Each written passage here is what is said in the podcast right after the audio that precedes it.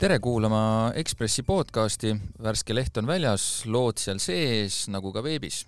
mõnedest neist äh, räägikski nüüd veidi lähemalt äh, nende tegijate endiga. stuudios on äh, Laura Nuka ja mina, Urmas Jaagant. Telefoni otsas on meil kuskilt natuke kaugemalt Joosep Tiks. tere, Laura, tere, Joosep! tere! tere, tere! alustaks seekord hoopis kõige kuumematest teemadest, võib-olla need enam, enam nii kuum ei olegi, äh, aga mõtlengi ma siin ilma, äh, kõige palavamad neist on vähemalt praeguseks läbi, aga nagu ka varasematel aastatel tuletasid neid ikkagi meelde, et kui raske elu linnas võib olla, kui, kui läheb nii kuumaks. Äh, Laura, sina käisid koos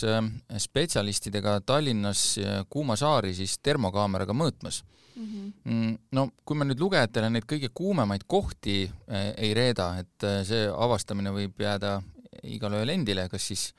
käega või jalaga äh,, kuidas iganes, aga numbrid vist võib ikka välja öelda, et äh, mis siis need äh, kõige kuumemad tulemused olid? seekord oli meil kõige kuumemaks kuuskümmend kuus kraadi plekkist aknalaua pealt ja selles me saime siis teada, kuidas me, te mõõtsite, ma loodan, sa ei istunud sinna ega, ega katsunud seda? meil oli temperatuurikaamera ja siis me mõõtsime sellega ühes laohoonte kompleksis pindu ja siis plekist aknalaud on loogiliselt kuum ja siis me mõõtsime selle ära ja see oli kuuskümmend kuus kraadi, mis on meeletu. Ma võin aga... vahele küsida, kas seal laos läks ka kuumaks või? ladu oli rohkem varjus ja mõni oli isegi maa all ja sinna me ei läinud, me mõõtsime pigem seinu ja uksi ja aknaid ja asfaltit. aga kuidas see nagu tervikuna nagu tundub, et ähm, okei okay,, õhk oli tol ajal, kui sa mõõtmas käisid, seal kolmekümne ümber. kolmkümmend kaks ähm, oli enamasti. noh, kolmkümmend kaks jah, et ähm, mis see siis nii-öelda linnaelu tervikuna, eks, eks sa seda kaamerat pöörasid seal ilmselt igasse suunda, et, et mis see nagu äh, keskmine tegelikult on, et kui me vaatame sellist ilmateadet, siis see tõenäoliselt noh, ütlebki meile, et selline Tallinnas tuleb äh, siin kolmkümmend kraadi kuuma, aga mis see tegelikult on, et kui äh, ise ka, kui ma linna peal jalutan, siis ma tean mingeid kohti, kus on nagu eriti kuum, kus näiteks õhk ka ei liigu mm.. no näiteks Narva maantee on ju, mis on täielik mikrolaineahi. jaa, Narva maantee näiteks on üks selline ja neid kohti on veel, et, et mis see tervikuna sulle tundub, et ega vist võib öelda, et umbes viis-seitse kraadi ikka on kuumem, kui, kui tegelikult no ütleme, ilmaennustus või niisugune ametlik tulemus näitab mm? -hmm. me mõõtsime Viru keskuse juures ka õhutemperatuure, siin oli küll palju palavam ja siinkandis on see just kõrgem sellepärast, et siin on vähe puid, palju asfalti, palju autosid, kuigi see mõjutab vähem siis äh, kontorihooneid, mis vajavad jahutamist, sest et nad on klaasist ja siis selleks, et neid jahutada, tuleb õhk neist välja puhuda, mis kütab linna temperatuuri. mis sinna, mis siin nagu teha saab, et äh, parem oleks, rääkisid spetsialistidega ka, et äh, no ma eeldangi siis, et ähm, üks, üks variant ongi, et oleks nagu niisuguseid varjualuseid rohkem mm. -hmm. või, või mis sinna nagu üldse parata saab? Kindlasti tuleks teha varjestatud hooneid, millel on heledad seinad, tumedad pinnad neelavad kuumust ja siis see kuumus kiirgab keskkonda ja kütab seda soojemaks. ja siis kindlasti oleks vaja puid juurde istutada, mitte neid maha võtta, sest et eh, puud töötavad samamoodi nagu inimesel töötab higi, see jahutab linna ja kui õhus on niiskust, mida puud oma protsessi käigus eraldavad siis äh, on siin mugavam olla ka ja sellepärast. jah. mis, mis see vahe näiteks on Kadrioru pargi ja Viru keskuse vahel, temperatuuri vahe, et üks on selline asfaltdžungel, aga teine on puuvarjus on ju. temperatuurid tajud... olid äh, suhteliselt samad, aga seal olemine oli palju parem, sest et äh, Kadriorus oli palju puid ja niiskust ja seal ei olnud see kuumus selline kõrvetav ja raske, nagu ta on miks on tajuta jah, aga huvitav, kas ta jäi sinna kuumuskaamerasse ka kuidagi? kuumuskaameraga me saime mõõta ainult pinnatemperatuure, nii et seal äh, me mõõtsime seda, kui palju soojust pind kiirgab. üks, üks asi, mille peale mina olen mõelnud, on see, et tõepoolest öeldakse, et, ähm, et puid peaks olema rohkem, neid mitte maha võtta, aga, aga noh, see on nagu selline suvejutt, et suvel on see tõesti mõnus, nüüd kui meil tuleb varsti sügis, ma võin teile lubada, et tuleb, ja siis hakkavad need lehed, eks ole, puude küljest maha langema. Ja siis hakkab igavene jama nendega, siis läheb teed libedaks ja siis need lehed on seal ja siis see tekitab sellist löga ja siis on need lompides ja igal pool ummistavad neid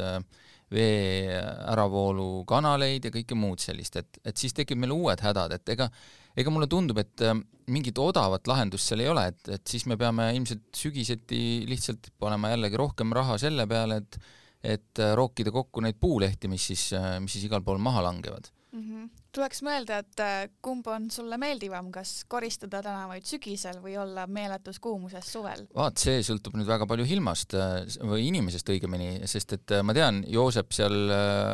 juba ohkab, eks ole, selle kuuma peale, talle see võib-olla väga ei meeldi. minul näiteks ei oleks seal, ei ole selle vastu üldse mitte midagi. no ma tean, sa oled mulle salaja öelnud, et, et sulle, et sulle nii palavad ilmad ei meeldi mis on täiesti okei okay., eh, minule nad sobivad, minule näiteks ei meeldi jälle mingi pori ja löga, eks, noh, võib-olla see ei meeldi sulle ka, aga, aga eks ilmselt ongi linnas kõikide inimeste meele järgi üsna keeruline olla, et äh, mis lahendus siin nii-öelda suviti peaks olema äh,, ega ei oskagi öelda, me ei ole ka ju kuigi rikas riik, et olen korra äh, käinud äh, Singapuris, ähm, mis on äh, teatavasti umbes sada kilomeetrit ekvaatorist, kus on väga niiske ja kuum.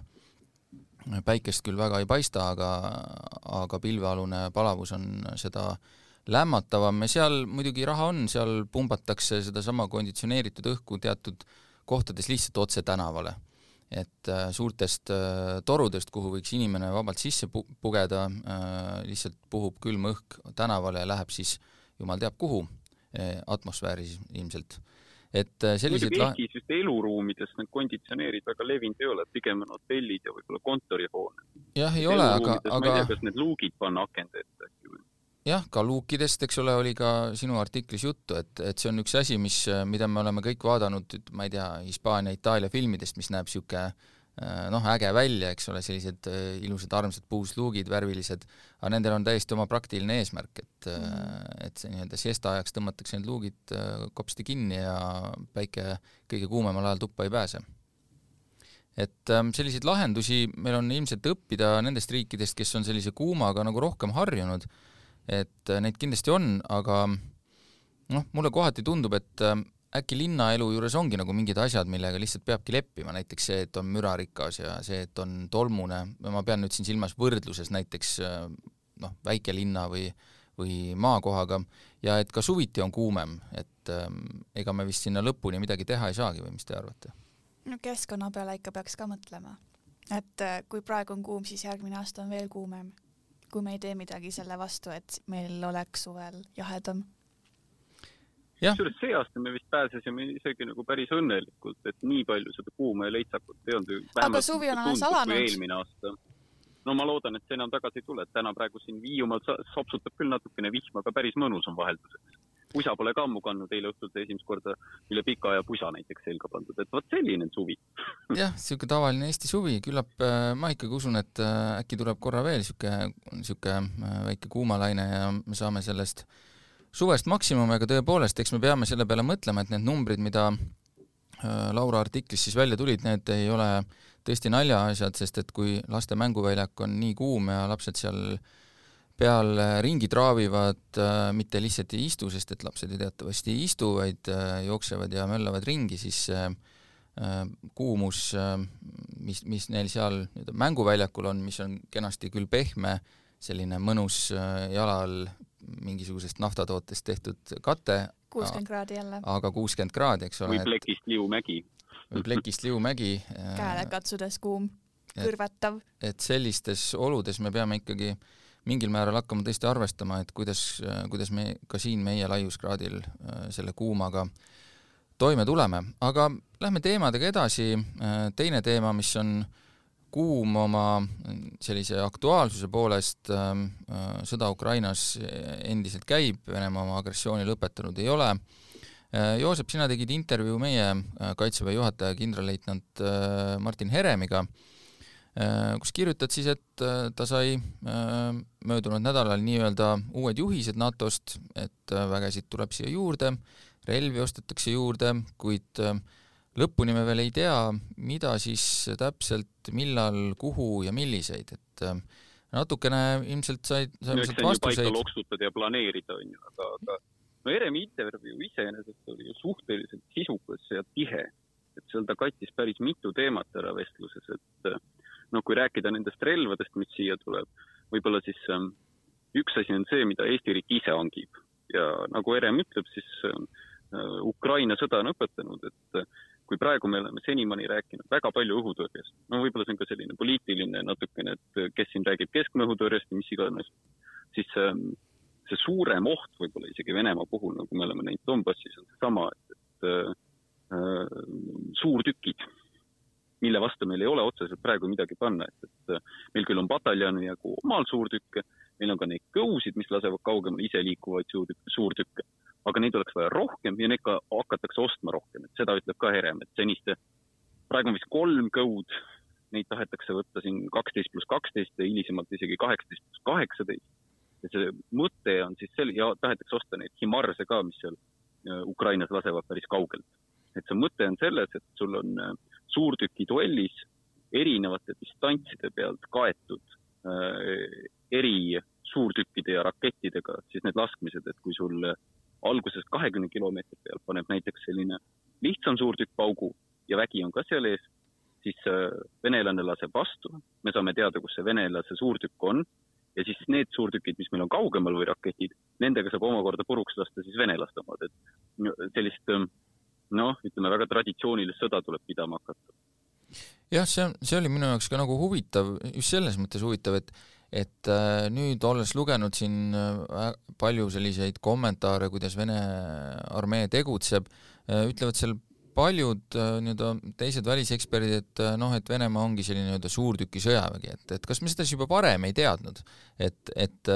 mulle tundub, et justkui kõik on seda kogu aeg teadnud, et, et nii on ja kusjuures ma arvan, et venelased ka varem ei teadnud seda, sest kui vaadata näiteks seda, kuidas see sõda algas, siis see ei olnud üldse suurtükisõda. Seal saadeti ju inimesed sellesama Venemaa sõjaväe, sõjalise doktriini järgi, et, et liigutama need pataljoni taktikalised grupid hästi kiiresti läbi ärme hakka isegi kontakti minema vastastega ja lihtsalt võtame paari päevaga selle Kiievi ära, noh, peeti sellist välksõda ju alguses. ja ma arvan, et Venemaa ja üldse ka tegelikult oligi ju see doktriin nägi ette sellist, esialgu mõjutustegevus, siis on kiire vallutus ja siis on selline öö, okupeeritud alade taltsutamine nii-öelda. aga see ju kukkus kõik metsa. Ja siis venelased taandusid ära Kiievi alt, läksid Donbassi ja hakkasid seda traditsioonilist rumalat suurtükisõda pidama mm. -hmm. kas sinu jaoks oli Heremi jutus veel midagi sellist, millest võiks nagu välja lugeda, et mida me oleme nagu õppinud nende seniste kuude jooksul, et et mida me oleme äh, nii-öelda Vene armee ja Vene nii-öelda poliitilise juhtkonna tegutsemise kohta nagu teada saanud, mida mida me nagu varem ei olnud ja mille järgi me peame siis ennast kohendama, et üks asi kindlasti on jah, no mida ta seal ka räägib intervjuus, need suurtükid, aga kas midagi veel, mis, mis on nagu nii-öelda värske teadmine? siin asi, mida tegelikult ju me teame või see on selline vana teadmine, mis kõlab justkui uuena, aga see, et Putin saadab inimelud täiesti külma südamega surma, et tal ei ole vahet, missugustes tingimustes ta sõdurid on, tal ei ole vahet, kui palju ta neid ohverdab, ta lihtsalt täidab eesmärki puhta verega, umbes justkui, et selline Stalingrad oleks endiselt kehtimas Venemaal. mis Jeremit ennast üllatas, on see, et, et Venemaa inimene, kelle poeg on näiteks siis seal sõjas, arvabki, et jaa, aga see on ju väga hea, ta kaitseb Isamaad. et neil ei ole ka sellist nii nagu lääne inimene tõenäoliselt vägagi protestiks sellise sõja vastu. Neil on justkui, et nagu klapid ees ja Herem kirjeldab seda siis, ähm, mis on meie sõjapidamises erinevat. Venemaal on endiselt selline heroiline ajajärk, et saagu või miljon surma, peaasi, et tuleks üks kangelane. aga läänes on näiteks selline postheroiline ajajärk, kus ei ole väga oluline isegi niivõrd selline kangelastegu või äh, sõdurlik ohverdus, palju olulisem on see, et see sõdur ellu jääks. et ta oleks võitlusvõimeline ja et tal oleks ka tegelikult mugavused teatavas mõttes olemas, et äh, ta ei läheks sõtta ilma relvata või toiduta või meditsiinilise abita. aga Putinil on sellest kõigest suva. jah, tal võib-olla, no ongi, tal on kasutada lihtsalt sellisel hulgal nii-öelda inimmassi, et, et võib-olla nendele asjadele ei peagi nii palju tähelepanu pöörama, eks me oleme ju ka seda näinud, et et äh, sellest sõjast on päris palju säästetud nii-öelda äh, selliseid noh, rikkama piirkonna, rikkama Vene piirkonna mehi, eks ole, et, et see, kust need väed tulevad. Moskvast väga kedagi ei tule, et tulevad kuskilt Kaukaasiast ja Burjaatiast ja sellistest piirkondadest, kus ütleme, meie mõistes võib-olla keskmise eestlase palk tundub tohutu rikkus, mida muul viisil ei saavutagi. jah, ja mis, mis teeb selle, selles mõttes ka Putini elu kindlasti lihtsamaks, et need inimesed äh, ei oska ka oodata, et neile oleks serveeritud seal võib-olla metsa all soe toit või või et see, et äh, on vaja hädal käia kuskil puu all, on nende jaoks võib-olla üsna igapäevane, igapäevane elu niikuinii. sellele ja ma arvan, et nad ei mõtle ka sellele, et nad hakklihamasinasse lähevad, sest kui sa noh, ma ei tea, lööd lahti Izvestia või Riia.ru onju, vaatab, mis Vene meedia kirjutab räägib, siis noh, tunne, et neil mõni ohver üldse oleks, seda ei ole olemas nendel ongi umbes selline nagu jalutuskäik läbi metsa see sõda, et, et vähemalt niimoodi nad kajastavad seda, et, et ukrainlased saavad igal pool peksa, aga venelased noh, võtavad selle asule, võtavad tolle asule, kõik tervitavad neid toredasti ja küll nad on tublid päästjad ja võibki jääda selline kangelase tunne. ma lähen sinna, tegelikult surma ei saa, aga teen midagi väga head. ja niimoodi nad võib-olla siis usuvadki seda Venemaal. ja mis siis on Heremi plaan äh, sellises olukorras? okei okay,, üks asi on see, et me peame siis äh, suurendama ka oma sellist suurtükivõimekust, tõenäoliselt, millest on juba kogu aeg räägitud, on see, et meil peab olema selline nii-öelda äh, noh, partisani võimekus siis äh, nii-öelda metsavenna võimekus põhimõtteliselt, et äh, minna äh, hakata nii-öelda seestpoolt, eks ole, noh, seestpoolt, tagantpoolt äh, õõnestama ja selliseid, äh, korraldama selliseid rünnakuid, mis siis, mis siis häirivad äh, vaenlase tegevust, et aga aga mis see, mis see plaan veel? Heremi sõnu muidugi, aga ma saan aru, et see on kolm asja sisuliselt, mis, ähm, millest koosneb see meie äh, inimtegevus sõja jooksul, kõik ülejäänud on toetavad. üks on siis manööverüksused, meie kaks brigaadi, mis liiguvad ja lisaks nendele siis ka liitlase on ju üksus, mis siis osati on Inglismaal ja on valmis kohe tulema siia ja osati on, kes on need sõdurid, siin praegu on. no, no korra põik on kõrval, et, et see, mis NATO-s otsustati, ongi see, et üks üksus saab olema siin fikseeritud mitte niimoodi, et kui protesteerib, kes seal kus on ja keegi täpselt ei tea, mis üksus mida peab tegema, vaid üks fikseeritud üksus, mille vastutusala on Baltikumis, vaat just nimelt see territoorium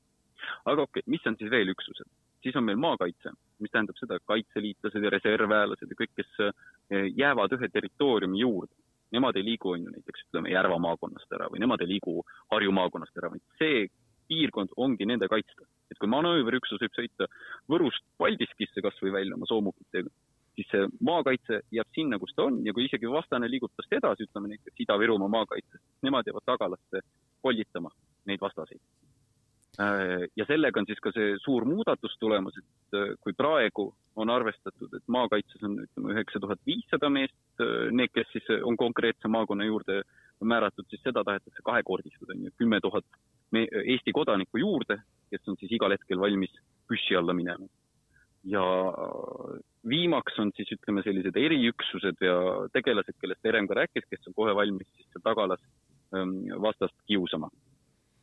nii et ähm, kõige tähtsam sellest intervjuust kõikide nende detailide ja tegelikult ka väga värvika sellise ja otseütleva kõnepruugi juures on ikkagi see, et on olemas täiesti selge plaan, mismoodi seda asja korraldada. et kui senimaani on segadus, siis Herem nagu kuidagi, minu jaoks oli küll tunne, et ta tegi ikkagi vägagi puust ja punaseks, et mismoodi me hakkame reageerima. no ega ta ju vägede liikumist välja ei rääkinud, aga mis on meie võimekus, mis, mis meil tulema hakkab ja kui olukord tuleb, on ju, kätte, kui venelane hakkab ründama, mis siis saab? jaa äh,, mis siis saab, võiks küsida ka ühe teema kohta, millest me veel jõuame täna rääkida. Äh,, on see siis valitsuse kokkupanek. Mm,, sellest äh, kirjutasin ma ise ühe väikese lookese tänasesse lehte, eks siin muidugi vahepeal on ka veel sündmusi juurde tulnud eilse õhtu jooksul ja tänase hommiku jooksul. äh, aga see tundub täielik agoonia, mis seal on. see tundub agoonia ja praegu on seda kokku lepitud siis juba umbes kuu aega, ehk siis tegelikult võib öelda, et umbes kümnendik valimisteks, valimisteni jäänud ajast on juba nagu ära kulutatud ja eilsed uudised jälle räägivad sellest, kuidas jälle läheneti üksteisele, aga see meenutab mulle natuke juba, kui te teate sellist äh, Achilleuse kilpkonna võidujooksu, kus Achilleus juba jõuab kilpkonnale kogu aeg lähemale, aga kätte kunagi ei saa, sest et äh, alati täpselt poole võrra iga distantsiühiku peale ta jõuab, ajaühiku peale jõuab ta lähemale, aga see, see tähendab, et ta kunagi tegelikult kilpkonna kätte ei saa ja sellisena näib mulle ka see valitsuse, valitsuskoalitsiooni kokkuleppimine, noh eks muidugi antakse siin signaale, et no kohe-kohe ja kohe-kohe. kelle taga see on? ma, ma, mul on tõesti, mul oli nädalavahetusel oli selle Indrek Riikojaga oli ka vaidlus, et kelle taga see koalitsiooni moodustamine siis on, et mul, mulle endal jääb meediast vähemalt mulje, et Seeder tuleb kuskilt jälle hapu näoga ja hakkab porisema, et oi, siit tuli jälle see halb ja see halb ja see halb, kuigi lõppkokkuvõttes valik oli ju tema, tema võib valida kas Reformierakonna või Keskerakonna, ega teistel seda valikut ei ole. noh, kas tal, kas tal seda valikut on, päris see Keskerakonna, noh, eks räägitakse jälle, et see, see nii-öelda variant kummitab jää kuskil jälle vahepeal, kui, kui ta siin mõnda aega nagu justkui ei olnud kuulda, siis nüüd jälle aga no kui sa niimoodi küsid, kelle taga, ma arvan, et see ongi nende kahe kahe erakonna juhi taga, et äh, kumbki teab, ütleme niimoodi, et selle asja kese on see, et kellelgi ei ole veel piinavalt valus, et, et see valitsus kokku saada ja äh, seni, kuni seda kummalgi ei ole, ei ole ka erilist äh, nii-öelda noh, sellist tungi see nagu lõplikult kokku leppida, et, et seda mulle inimesed ütlevad, et kelle, kellel on selliste asjadega kogemusi, et sellised nii-öelda äh, noh, kompromissettepanekud on kõigil juba niikuinii ammu olemas, et kuhu ollakse valmis siis nii-öelda viimasel hetkel taanduma mm, -hmm. viimasel hetkel kokku leppima, et need on alati olemas, aga neid ei käida. kas see on nagu see, kas see on nagu see pimekana mäng, et äh, kaks autojuhti sõidavad üksteise vastu ja kumb enne ära pöörab siis, jah no,? kummal närv eks, murdub? eks mulle osalt see sellisena näib jah, et, et äh, Isamaa püüab jätta mulje, et ja sotsid ka, et sellega on nagu et neil on aega küll, aga Reformierakonnal on kiire või peaks olema kiire. Reformierakond püüab jätta muljet, et neil on aega küll, et tegelikult ei ole neil ka kuhugi kiiret, ehk. Et äh, mulle tundub, et siin ongi, see asi lõpeb siis, kui kellelgi hakkab äh, ikkagi juba päriselt kiire ja sel juhul äh, see kokkulepe leiakse mis on need asjad, mille peale see murdumise küsimus siis käib, et noh, kui mul käib pimekana mäng, siis on, et kumb on, on ju ägedam ja võimsam vend. aga noh, valitsusläbirääkimistel ma kujutan ette, et seal on ikkagi kindlalt mingid programmilised teemad laual. Ja siis vaadatakse nende pealt, et kumb siis enne paindub ja on nõus äh, teise erakonna seisukohta vastu võtma. No.. et kas need on need peretoetused või on need mingisugused muud rahad või mille üle nad nagu piike murravad. jah, eks see on kindlasti see peretoetused ja see ka see elektrituru teema on see, mis nüüd, mida nüüd jälle Isamaaga arutatakse, et kuidas seal siis leida see kokkulepe, eks, eks siin on küsimus on selles, et ähm, kõikidel erakondadel peab olema ette näidata mi-, midagi. Äh, Isamaal ja sotsidel peab olema ette näidata see, et nad ei ole läinud sinna valitsusse kohatäitjaks, vaid nad on, äh, saavad teha oma programmilisi asju, mis on nende poolt täiesti õigustatud ootus Reformierakonnal on vaja näidata, et nad ei murdunud mm, selles olukorras ja ei andnud nii-öelda kõike käest ära selleks, et ainult saaks valitsus jätkuda noh, sest me peame seda praegu mm. niimoodi nimetama, ja ei tohi jääda nagu muljet, et nad on andnud liiga palju käest ära.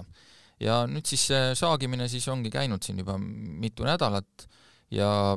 kui nüüd hästi selliselt nagu binaarselt seda vaadata, siis tegelikult võib öelda ju, et endiselt me oleme täpselt sama koha peal, et äh, kuigi siin on toimunud mingid lähenemised, äh, nagu nad ise väidavad ja kuhugi on nagu jõutud ja mingeid kompromissi ettepanekuid on ka tehtud, aga kui me vaatame äh, lihtsalt sellisel mustvalgel skaalal, kas on või ei ole, siis erinevates küsimustes me, me näeme, et põhimõtteliselt on kokkulepe olemas ainult ühes kohas, ehk siis selles tulumaksuvaba miinimumi tõstmises, ülejäänud asjades on asi täpselt samasugune ei, ei ole nagu ta oli mitu nädalat tagasi, nii et et selles vaates äh, ei ole nagu kuhugi lähemale jõutud, aga muidugi seal on selliseid äh, vahepealseid toone rohkem, nii et et mis sa arvad, ähm, kes enne paindub neist? kes no, ütleb siis äh, lõpuks, et okei okay,, okei okay,, teeme ära no keeruline öelda, ma tahaks nagu arvata, et lõpp, lõpuks on see ikkagi niimoodi, et Reformierakond peab natukene rohkem loobuma, sellepärast et nemad on ikkagi äh, nii-öelda see, seda koalitsiooni vedajad või juhterakond, aga mõningatel päevadel mulle jälle tundub, et äh, nad ei kavatse seda teha ja ka neil pole nagu suuremat muret, kui see, kui see valitsus jääb siin suvekuudeks sellisena, nagu ta on, ehk siis ainult Reformierakonnast koosnevaks, nii et et äh... mõnes mõttes ma saan sellest loogikast aru, et noh, ütleme Keskerakonna nõudmisele nad ei olnud nõus vastu tulema valitsusest laiali ja kui nüüd äh, noh, neil on ju ikkagi suur mure ka rahakoti pärast, et kust me saame raha kõikide nende lubaduste jaoks. ja siis, kui teevad uue koalitsiooni, kus on veel ülepaisutatumad lubadused ja veel kallimad programmid, siis see tunduks äärmiselt naljakas, et eelmine valitsus läks laiali sellepärast, et ei jaksanud äh, kulutusi lubada ja siis uues valitsuses hakkame veel rohkem kulutama. Jah, no nii või teisiti ma arvan, et see uus valitsus, mis sisaldab kolme erakonda, juhul kui see sünnib, on igal juhul kallim, kui oleks olnud leppida midagi kokku seal Keskerakonnaga, nii et see, selle tulemuse on Keskerakond niikuinii saavutanud ja selle nii-öelda kaotuse Reformierakond niikuinii sisse võtnud, et see kindlasti ei saa olla odavam kui, kui, kui Keskerakonnaga, aga eks me seda näeme, see täna läheb jälle edasi, täna on Riigikogus ka ju erakorraline istung, kus NATO siis istung, ähm, NATO istung, kus siis ähm, ratifitseeritakse Soome ja Rootsi liitumist ähm, NATO-ga ja samal ajal ja, või seal vahel ja kõrval peavad siis ka erakondade juhid ja delegatsioonid ka neid samu koalitsiooniläbirääkimisi, kas me täna õhtuks oleme targemad, noh, tahaks loota, et oleme, aga millegi varasema põhjal võiks küll ennustada, et äh, toimub jälle hulk lähenemist, aga äh, kokkuleppeid ei tea, ei julge lubada ega oodata. aga sellega me ka tänase saate lõpetame, tänan äh, Laurat, tänan Joosepit ja saadet juhtis Urmas Jaagant, järgmine kord kuuleme jälle